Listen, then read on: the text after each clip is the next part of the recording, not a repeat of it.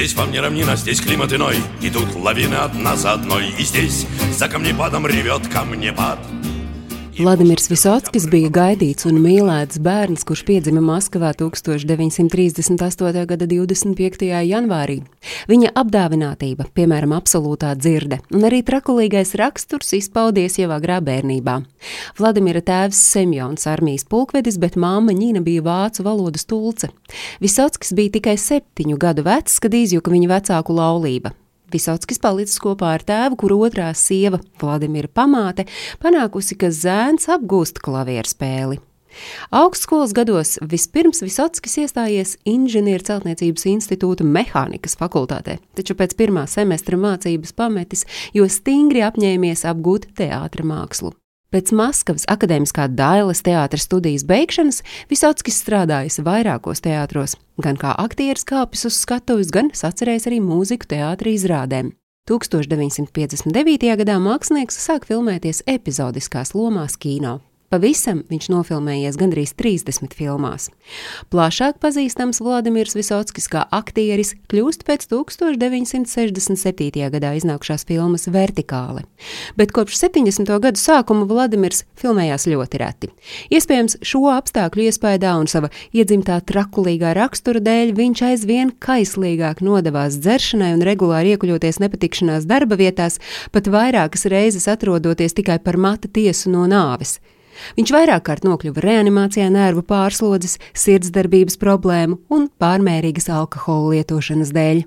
Un tomēr filmēšanās notika. Visnozīmīgāko super izmeklētāja Gleba Žeglova lomu televīzijas daudzsēriju filmā Tikšanās vietu mainīt nedrīkst Vladimirs nospēlēja 1979. gadā.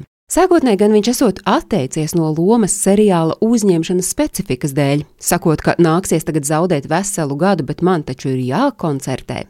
Tomēr jau drīz Visockis atzina, ka Žeglova loma viņam ir vismīļākā.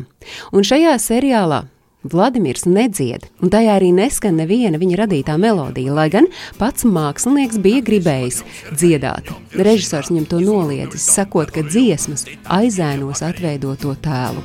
И пусть говорят, да пусть говорят, но нет Никто не гибнет зря так лучше, чем от водки и от простуд Pirmās dziesmas viņš jau sacerēja 60. gadu sākumā, un tad maisam gals bija vaļā, jo Visockis ir autors ap 600 dziesmu, sacerējis 200 dzējoļu. Visockis tiešām bija mākslinieks ar neparastu piesmakušas balss tembru, un ir cilvēki, kuri to pat nesauc par dziedāšanu. Tomēr labāk par pašu Visocki neviens viņa dziesmas nodziedāt nevar. Tas gan ir vispār atzīts fakts.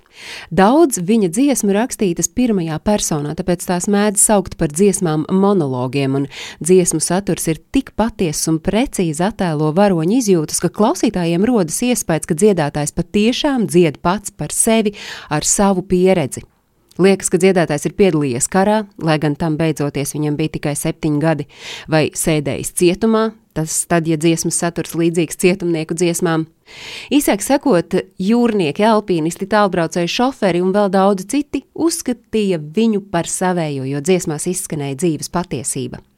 Padomju vara gan pret mākslinieku piekopa saudabīgi ignorēšanas metodi. Par viņu rakstīja un rādīja maz, tomēr Vladimirs Visockis koncertēja visā bijušajā Padomju Savienībā un magnetofona lentes ar viņa dziesmām ceļoja no rokas rokā. Filma īsas tikšanās uz lielajiem ekrāniem nonāca 20 gadu pēc tās radīšanas, savukārt filma Intervence plauktos nogulēja 19 gadus. Un vēl vara patiešām mēģināja noklusēt arī ziņu par mākslinieka nāvi, par īsa nekrologa publicēšanu savulaik atlaida vainīgās avīzes galveno redaktoru. Stāstīja Agnese Drunka.